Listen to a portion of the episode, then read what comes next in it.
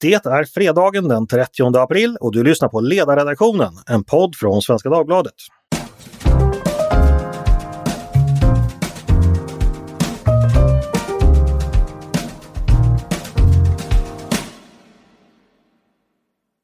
Varmt välkomna ska ni vara. Det är valborgsmässoafton och Hans Majestät Konungens födelsedag som fyller, han fyller 75 år idag. Grattis till kungen!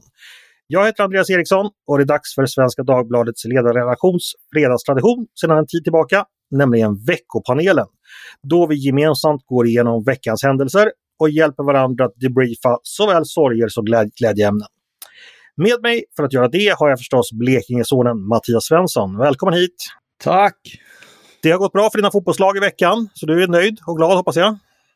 Ja, det har, det har varit kul på så sätt.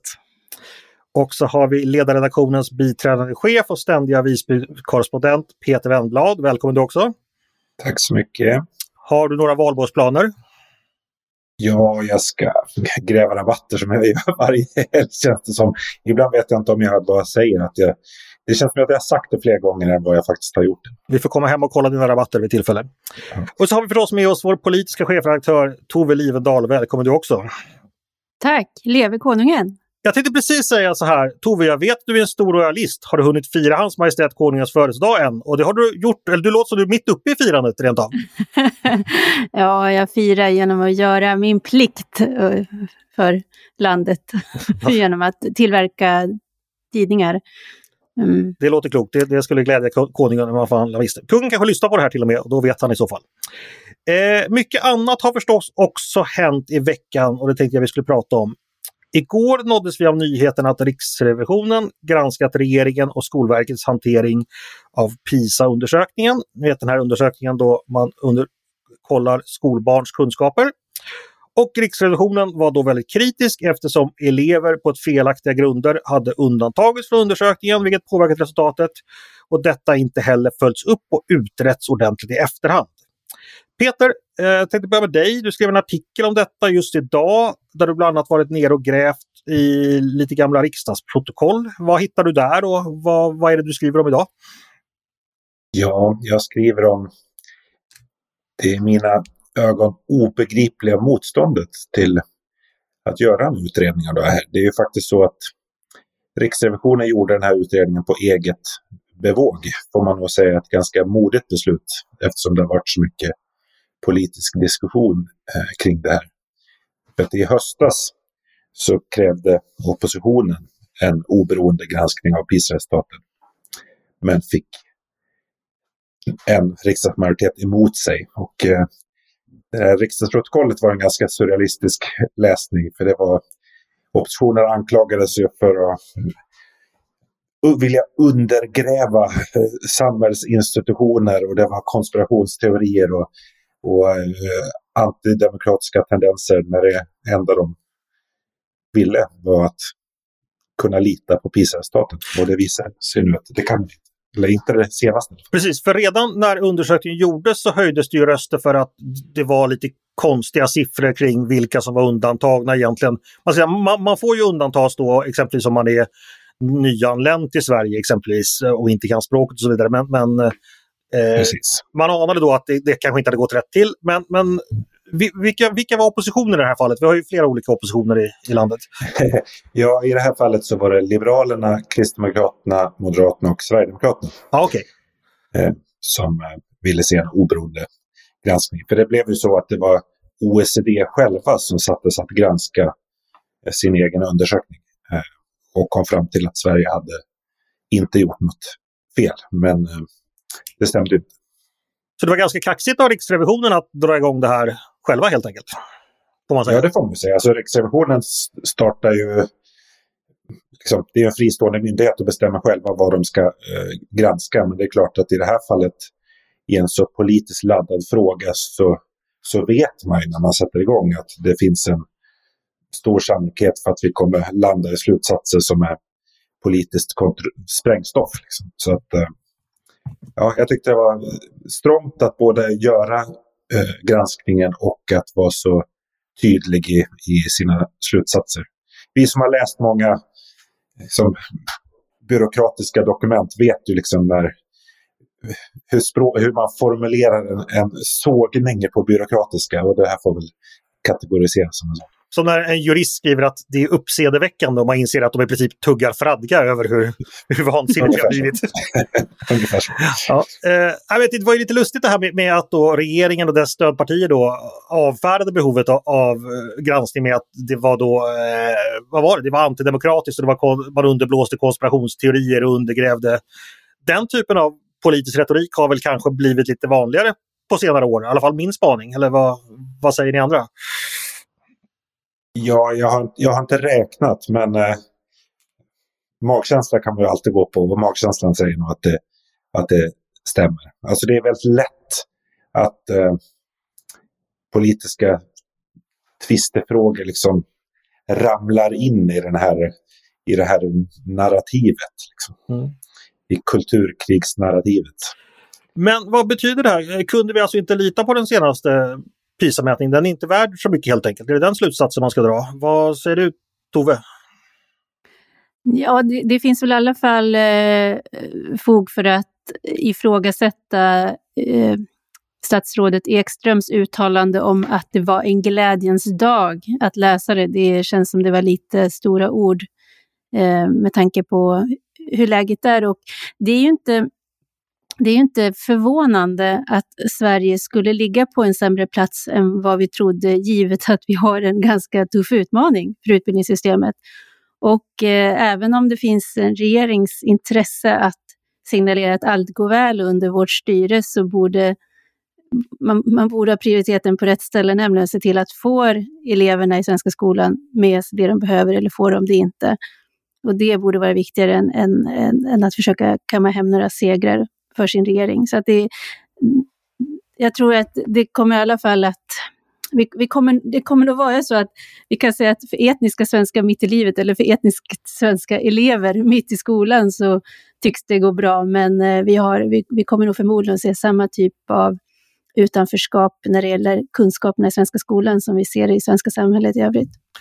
Jag, jag tycker dock att det är en ganska viktig poäng och som framgår i Riksrevisionens granskning att alltså, bortfallet av, eh, av elever med eh, icke-svensk bakgrund är en viktig faktor, men det är också så att det har varit ett stort bortfall av elever med neuropsykiatriska funktionshinder eller ja, elever som har, tycker det är jobbigt att göra prov. Alltså det, har, det har helt enkelt varit tillämpats olika kriterier på olika skolor. Mm, just det. Och eftersom resultatet då kanske inte svänger så jättemycket från år till år så blir det ju viktigt naturligtvis vilka det är som plockas undan från olika håll. Eh, vi får säkert anledning att återkomma till detta. Jag tänkte bara, när jag har dig på tråden Peter, eh, jag måste bara ta upp din insats som grävande reporter nu i veckan. Eh, ska bara påminna lyssnarna om att Peter har ju faktiskt varit fram och grävt fram någonting lite häftigt eller intressant. Det var ju miljöminister Per Bolund i veckan skröt ju om att han hade, som han själv sa, inlett och satt tonen för Joe Bidens stora klimatmöte förra helgen. Och när du hörde det Peter så började du gräva lite vidare och ganska snart fick du vittring på att någonting eventuellt kanske inte riktigt stämde med det där. Berätta! Nej, ja precis. Det visade sig att han satte, han satte tonen vid barnbordet och inte vid det vuxnas bord. Ja. Eh, nej, men det visade sig att han ju inte alls inledde klimattoppmötet eller egentligen deltog på klimattoppmötet utan han var inbjuden och pratade under en, någon minut eller två på ett sidomöte egentligen med helt andra stater. Eh, alltså tröstbordet lite, alltså de som inte fick vara med, de stora, fick sitta där ändå och prata lite för... Precis. Ja. Det skapades liksom som en möjlighet för andra stater att ge input till toppmötet som det som det hette. Men, men, hur kom det sig att du började luska i det här egentligen? Var, varför var du sugen på att höra hans... Uh, vad, vad, ja, hur började jag, sk jag skrev ju en, en, eh, en, ledare förra fredagen om ett, liksom, ett förslag på pratmanus till, till uh, Per Bolund. Vad han skulle säga när han träffade världsledarna. Och sen när jag kom tillbaka till datorn i måndags så såg jag att det hade liksom börjat pratas en del om vad, så här, var kan man se inspelningar från Per Bolunds anförande. Och, och så, det fanns liksom inga digitala spår mm. av, av det här. Och då kände jag att här är det någonting som inte stämmer. Precis. Och du var, det var väl inte eh, att det var just en ledarskribent som, som för, för, att säga vanliga reportrar hade inte reagerat på det här riktigt. På, eller det hade, det hade inte börjat luskas därifrån ändå. Nej, det hade det inte gjort. Och sen, det är klart man kan kalla det får väl kalla det för ett gräv om man vill, men det var så här, ett fem minuters gräv var ju vad det handlade om i, i praktiken. Det var ju bara att eh, jag skickade några, hade lite sms-växling med Per Bolunds eh, pressstab och eh, satte lite tryck på dem om vad det var för möte han hade pratat på egentligen. Mm. Om, man, om man kunde få lyssna på det som han hade sagt. Ibland är det inte mer än fem minuter som behövs för att förändra. Det kan väl bli en läxa att ta med oss. Tänkte vi ska eh, gå över till nästa ämne och då ska jag vända mig till dig Mattias. Eh, du är ju en stor frihetskämpe och jag tänkte på dig i veckan när jag läste en intervju med vår socialminister Lena Hallengren som TT gjorde och som publicerats i många tidningar. Eh, och ni vet säkert vilka jag pratar om. Där hon berättade att regeringen vill att Folkhälsomyndigheten ska analysera vad citat, nytt normalläge ska innebära. För ett nytt normalläge är nämligen just nytt och inte som det gamla normala. Hon sa bland annat så här att vilka typer av restriktioner, begränsningar eller åtgärder som möjligen kan vara ett, en del i det nya normalläget. Eh, och sa att successivt har det kanske sjunkit in att vi inte bara kommer gå tillbaka till det samhälle vi hade innan på många sätt. Och då tänker jag förstås så här, eh, först reagerar man, då ska vi inte gå tillbaka till det gamla? Det gamla var ju ganska bra. Eh, men, men det är ju såklart så att när, när fara hotar och det är illa ställt så är det ju ofta så att, att det sker vissa frihetsinskränkningar och det väcks, eh, skapas restriktioner som kanske inte direkt lyfts efteråt. Så därför tänkte jag, du Mattias, du har ju erfarenhet och kunskap om sådär tidigare i historien. Är den här pandemin ett typiskt tillfälle där, där ofriheten så att säga brett ut sig och det kan bli svårt att rulla tillbaka sen? Eller vad, vad, vad kan det historiska facit vara kring den här typen av expansion av förbud och restriktioner?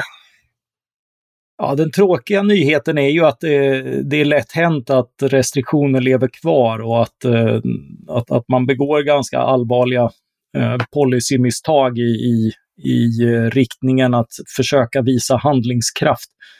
Eh, men eh, samtidigt, alltså den stora bilden är ju att de, de restriktioner som införs är temporära och det är, det är en väldigt stark förförståelse i demokratier Eh, att, eh, att vi är beredda att eh, eh, acceptera väldigt stora inskränkningar tillfälligt i en krissituation som är motiverade.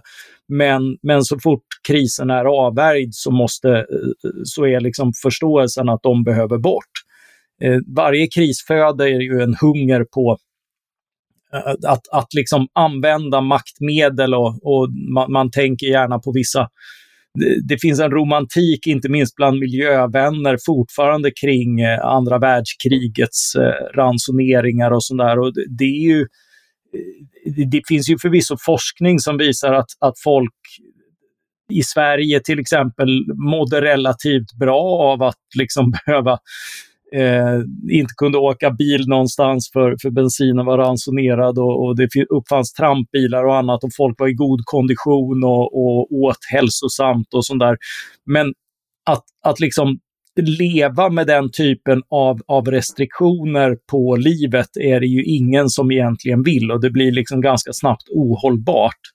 Eh, och, och, det var väl den väldigt starka reaktionen som märktes också här. Den tenderar alltid att förvåna makthavare att, att det här mandatet har ni på nåder och, eh, och, och det, eh, det är verkligen så att när, när det här är borta. Och, sen finns det ju också en, en fråga, vad, vad händer om pandemin finns kvar i någon form och sådär. Liksom. Så, men läxan där är väl snarare att i så fall, blir den långvarig så behöver vi lära oss att leva med den med ett öppet samhälle. För den typen av hårda restriktioner som har präglat de första, den första tiden, det första försöket att mota är inte hållbara på, eh, på sikt. Så, men, så men vad, tror det... du, vad tror du Lena Hallengren menade mer konkret när hon talade om ett nytt normalläge? Ser hon, är det så illa som det låter eller är det så att, hon har, att, att vi överdriver lite just för att vi är känsliga för den här typen av, av expansionen i ofriheten. Vad, vad, vad tror du? Jag, jag, jag, tror nog att man från maktens håll vänjer sig vid det mandat man har. Hon står på presskonferenser och är viktig varje vecka. Eh, och, och liksom spelar med, eh, med politiska åtgärder som man normalt sett inte har. Och, och, det är lätt att förgiftas av, av det. Vi kan ju titta på Joe Biden, hur han trivs i sina expanderade spenderbyxor och, och annat. Eh, för, för att se hur, hur, hur, det är lätt för politiker att ta på sig den här, den här större kostymen. Eh, men, eh, men det är ju liksom inte, eh, inte hållbart i längden. Så eh, jag, jag, tror faktiskt att det låg kanske inte en... Med, det är förstås inte så att det finns en medveten plan liksom, eller ett självändamål i att hålla oss nere, men däremot en, en risk att man från makthåll vänjer sig vid, eh, vid den typen av, av eh, befogenheter man sitter på för närvarande. Jag tror att det också speglar att, att den här regeringen har, eh, alltså tappat, tappat lite kontakten med de liksom principiella frågorna i pandemihanteringen. Alltså en del av den så kallade strategin har ju varit rätt åtgärder vid rätt tillfälle, det vill säga en, en utpräglad pragmatism där man liksom helt släpper alltså, principiella avvägningar. Eh, och jag, ja, jag tror att det här kan, kan spegla det lite grann, att vi kan fortsätta på den här pragmatiska eh, linjen. Ja, vi kör på med, med dekretstyre och, ja. och, lite samförstånd så att vi inte får för stort motstånd. Det är ju jäkligt bekvämt. Vad säger du Tove? Vad tänkte du när du hörde Hallengren och hur tolkar du hennes budskap? Ja, jag har jag ska nästan erkänna att jag har, jag säger som Anna-Lena Laurén uppgav helt trött på Twitter idag, jag har liksom nästan gett upp försöken att försöka tolka därför att det är, det är svårt att... Eh, det, det, här lägger jag in i samma fack som också de här diskussionerna om, om hur vi ska se på vaccinationstakten nu, att det är saker sägs Eh, jag, jag uppfattar inte att kommunikationen kommer ur en tydlig idé om och, och, och tanke vad man vill åstadkomma och hur och hur man ser på saker och ting, utan det är verkligen ett dag för dag-styre och att vi, vi förväntas bara ha, eh, ha tilltro till att regeringen fattar de klokaste besluten. Mm. Så att jag har inte jag har inte bemödat mig om att försöka tolka det, ska jag erkänna. Du är lite inne på det, jag tror det var Peter i förra veckans panel när vi pratade, det här töcknet som, som uppstår kring, kring allting politikerna vill och även myndigheter vill förmedla till oss. Var det inte så Peter, att du beskrev det som så? Jo, alltså det är ju någon slags the fog of war. Liksom det, det är otroligt svårt att, och, och förstå vad det är som händer och varför saker görs. Alltså eftersom det helt saknas liksom en öppen plan för såväl pandemihanteringen för vad ska säga, vägen ut ur pandemin. Alltså, ja, nu fick ju även Folkhälsomyndigheten ett uppdrag igår om att ta fram en sån här öppningsplan för Sverige. Vilka, vad Sverige liksom, vad som, vilka kriterier som ska vara uppfyllda i eller smitt, spridning etc. för att Sverige ska kunna börja öppna upp. Och det är ju faktiskt helt ofattbart att det fortfarande inte finns efter som mer än ett år av pandemin eh, en möjlighet för svenskarna att få insyn i vad det är som styr, vad som kommer att styra eh, hur Sverige öppnar upp. Alltså många länder hade ju en sån plan redan för den första vågen, mm. men det har vi inte Sverige haft. Men, men ja, Tove, eh, vad, vad tänker du om det här? Nej, jag, jag ska bara rekommendera eh, läsning imorgon på första maj. Då kommer vi ut i ESVD. Man kan läsa oss då digitalt, antingen som formgiven tidning eller, eller på webben då, som vanligt. Och Lena Andersson har en första maj-krönika där hon sätter den nuvarande coronahanteringen i ett historiskt ljus av hur socialdemokratin har fungerat. Och för mig så blev det där faktiskt en pusselbit av förståelse. Att den här idén om att vi är de som sätter in rätt åtgärder vid rätt tillfälle, det har ju varit samma budskap både från regeringen och Folkhälsomyndigheten och som nästan blir omöjligt sen att också kräva någon form av utvärdering av. För att om man då påpekar att det inte var så klokt det där beslutet som fattades, då kommer man att få höra att det var rätt då. Mm. så det blir, det blir som att hålla i en, en hal tvål i ett badkar.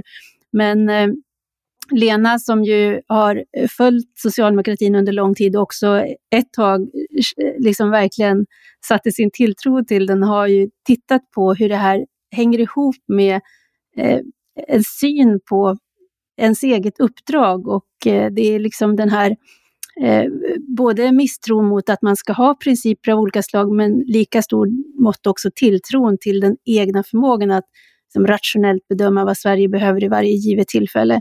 Och om det är liksom det som styr, då, då blir det inte heller så konstigt att det inte går att få grepp om någonting som är hållfast.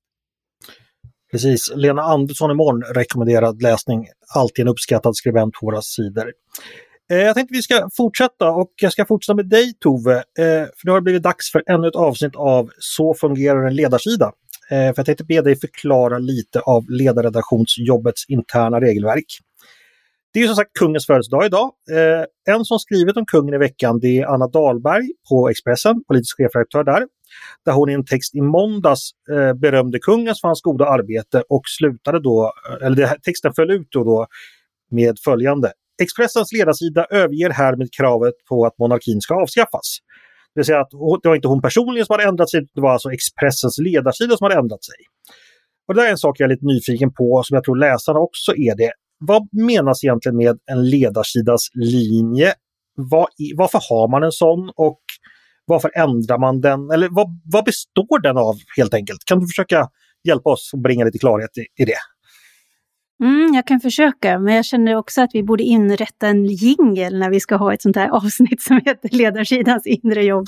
Det vore fint. Eh, ja, en ledarsidas linje, eller en tidningslinje, den är ju någonting som eh, man ska veta att ja, det, det, det är vad det heter. Det är inte en enskild skribent och det är en, eh, som har åsikter på någonting, utan det är någonting som eh, en position som tidningens eh, genom då sin ledarsida står fast vid och håller fast vid över tid. Eh, och eh, det där, man kan, ju, man kan lägga det på lite olika nivåer. När man tittar på vad olika ledarsidor har för politiska etiketter så säger inte de så mycket. Jag vet att jag frågade P. Anders Linder när jag skulle tillträda efter honom. Vad, vad lägger du för någonting i obunden moderat, som mm. ju är Svenska Dagbladets linje, eller politiska etikett? Och då sa han, ja, kanske allmänborgerlig. Eh, jag rekommenderar läsning av en artikel som ligger på vår sajt som heter Att värna en tidningssjäl som är skriven av Odd Eiken. Och Odd är då ordförande i någonting som heter Stiftelsen Svenska Dagbladet som inte längre har något ägarskap i tidningen men som har under lång tid eh, verkat för att slå vakt om Svenska Dagbladets liksom, politiska själ. Och där finns det ett antal eh, ställningstaganden för och emot saker som på något sätt har haft olika betydelse för att forma den position som Svenska Dagbladet man kan lita på alltid intar oavsett nästan vad det gäller för sakfrågor. Och det är gamla konflikter, det fanns en gammal konflikt som stod mellan, om man då ska uttrycka det eh, eh lite brett, näringslivshögern mot bondehögern. Och eh, där handlade konflikten om tullar, därför att bondehögern hävdade att nationella självförsörjningen ska alltid skyddas med höga tullar om det behövs, men, men näringslivshögern vann det slaget och sa att det är inte det viktiga, utan man, det, det, är frihandel, marknadsekonomi och konkurrens som är det viktiga ställningstagandet. Så den sortens eh, historiska konflikter kan man säga är med och formar det som blir en tidningslinje. Eh, och sen då när det gäller då enskilda sakfrågor, då då blir det ju så att säga utifrån principer och eh, den innevarande ledarredaktionen så förs ju liksom, det, det, blir då och då aktuellt att diskutera om man ska ändra linje, men för Svenska Dagbladets fall så har det eh, nästan aldrig gjorts, därför att vi har varit väldigt hållfasta i våra positioner.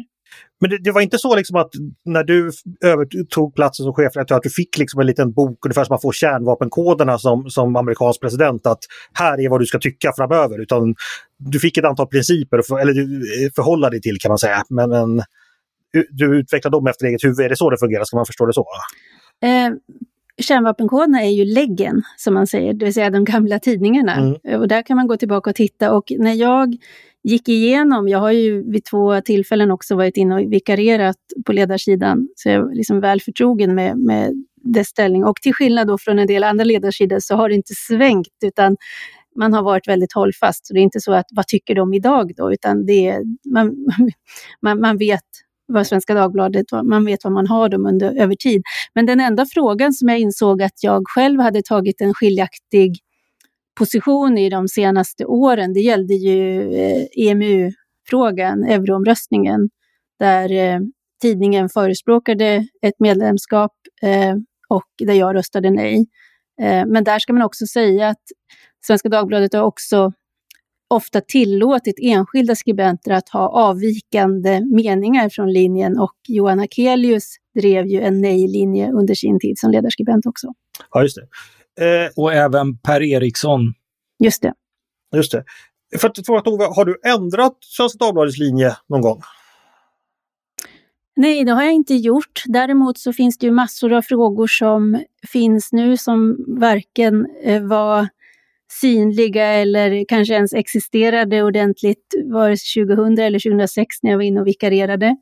Eh, jag skrev ju en bok om integrationsfrågor själv 2003 och eh, fick då kritik från Lars Åberg om att jag inte med ett ord hade berört hedersproblematiken. Och skälet var ju att den frågan var inte synlig för mig. Jag hade ingen kunskap om den och det fanns heller inte så stor omfattning som det finns idag. Så att det är naturligtvis, en del frågor tillkommer ju. Mm. Eh, men eh, nej, det har inte funnits anledning att skriva eh, en, en linje omriktningsartikel. Det har det inte. Alltså som utomstående kan jag tycka det här med att det är väldigt esoteriskt det här med linjer. Jag tänker exempelvis på en fråga som migrationspolitiken där hela det offentliga Sverige under några få år ändrade sig totalt från att blotta diskussionen om eh, invandringens volymer var liktydigt med protofascistiska ställningstaganden till idag åt andra hållet. Men det var ju ingen tidning vad jag har sett som har förklarat att de har bytt åsikt i frågan någonsin utan det har ju liksom bara kommit krypande rent allmänt. Så att ibland känns det som att eh, linjer finns när man behöver dem men blir de jobbiga så har man inte så mycket linjer. Eh, förstår du vad jag menar Tove? Eller är ja, absolut. På? Nej, det, jag tror att det är verkligen så. Eh, men jag jag känner otrolig trygghet att gå tillbaka och titta på vad vi har skrivit under, liksom när migrationsfrågan var stor. Jag, det är klart att den, det som också man ska säga, det är ju att eh, den här obundet moderat, det har varit lite olika skulle jag säga i perioder, att man har varit, eh, ja, ibland har det väl varit varit politiska chefredaktörer som har stått närmare den moderata partiledningen eh, och ibland har det varit sådana som har fått dem att säga upp prenumerationen. Och det senare tycker jag ju är, är viktigt att hålla på, att man, man, ska kunna skriva på ett sådant sätt så att det väcker vrede även i, i riksdagshuset. Mm, man får, man får, man får, ett, man får arga mejl. Men, eh, nej, men jag minns ju mycket väl när det drog igång, för det var ju, om man säger så, på min post 2013 när jag trädde till. Då skrev Sanna Reimann, tror jag, den första texten eh, som handlade om Migrationsverkets enormt uppskrivna kostnadsprognoser. Och det var också före det togs upp på nyhetsplats. Och det, det blev liksom, det blev en öppning för att börja titta på det. Och jag, vad jag minns så var det liksom, om, om inte den första så en av de allra första att ändå diskutera den, den där volymfrågan som under ett tag man inte fick säga ordet. Det var Voldemort, det var liksom mm. volymer. Och sen skrev vi ju om frågan och eh, vi diskuterade den. Eh, och det var ju ett annat samtalsklimat, men om jag går tillbaka och tittar i läggen så det finns ingen artikel som jag tycker att vi behöver be om ursäkt för eller som indikerar att vi har bytt ställning, utan vi har talat om att eh, ja, självförsörjande invandring, den behöver inga begränsningar. Men är det så att man ska invandring som är knuten till välfärdsstaten, då måste man diskutera hur det ska gå till. Just det. Bara kort återknyta till Expressens nya ställningstaganden. Eh, Peter, du ju, har ju varit medarbetare på, på Expressen och även fristående krönikör vet jag ju. Eh, Expressen och monarkin, var det någonting du kände till vad det fanns för linje och är du förvånad över att man har bytt linje nu? Ja, jag kände till att det var en det fanns en republikansk linje. Sen kanske inte det var en så levande fråga. Eller Den dominerade inte varje morgonmöte kanske? Nej. Nej. Eh, men så att... Eh, jag är förvånad, jag vet faktiskt inte. Eh, jag, tror, jag, jag, misstänker att det här är kanske mer en PR. Det är i alla fall minst lika mycket en, en, en PR-grej som, en, som ett linjebyte som Expressen själv tycker har någon större betydelse. Mattias, har du varit på någon tidning som bytt linje någon gång, alltså uttalat? Har du varit med om det i praktiken? Nej, inte, inte bytt. Däremot slå fast, eh, som sagt, alltså det är ju när nya sakfrågor dyker upp. Det, det är nästan mer i, i det lilla som det blir som det blir stora frågor. Alltså en, en sån fråga som barnen som sitter i, i, till, till eh, de som har åkt ner för att strida för IS. Hur ska Sverige hantera barnen där? är ju en sån fråga. Djävulen finns ju i detaljerna. Där, där behöver du liksom applicera ideologi, det, eh, praktik, det går att komma fram till flera olika svar. Eh, och det är mer den typen av, av ställningstaganden som orsakar bryderi och diskussioner på redaktioner än, än liksom att, att man plötsligt en dag ändrar sig om frihandel eller, eller migration för den delen eller, eller eh, ideologi i en, i en stor grundsyn. Där, där ändrar man sig ju mer sällan och där är ju tidningar med, med rätta mer konstanta. Den här poddredaktionens linje i alla fall att vi snart ska ta helg. Men innan vi gör det tänkte jag bara återvända mig till Tove. För du har en glad nyhet att berätta inför sommaren för alla läsare och lyssnare. Du har nämligen anställt lite sommarvikarier. Berätta! Ja, absolut. Det är ju alltid en glädje att få sällskap av eh, andra förmågor och talanger till sommaren. Så att idag har vi berättat att Margareta Barabash och Susanna Silversköld som är ju välkänd, hon har ju vikarierat från, hos oss sedan i höstas, men också Emanuel Örtengren, att de tre ska utgöra våra sommarvikarier. Och det är roligt. Det, det, det är alltid så att de kommer in, de här vikarierna, med eh, ja, nya infallsvinklar, de eh, hittar sin ton och bidrar med ny kunskap på redaktionen. Så det, är, det är ett härligt vårtecken. Det är det. Och förhoppningsvis, eller helt säkert, kommer vi också få höra dem i podden i sommar. Eh, för vi kommer också Absolut. hålla igång podden i sommar förstås. Vad bra! Därmed så skulle jag vilja tacka er för den här podden och den här arbetsveckan. Tack så mycket Tove, Mattias och Peter. Tack Andreas! Tack. Tack.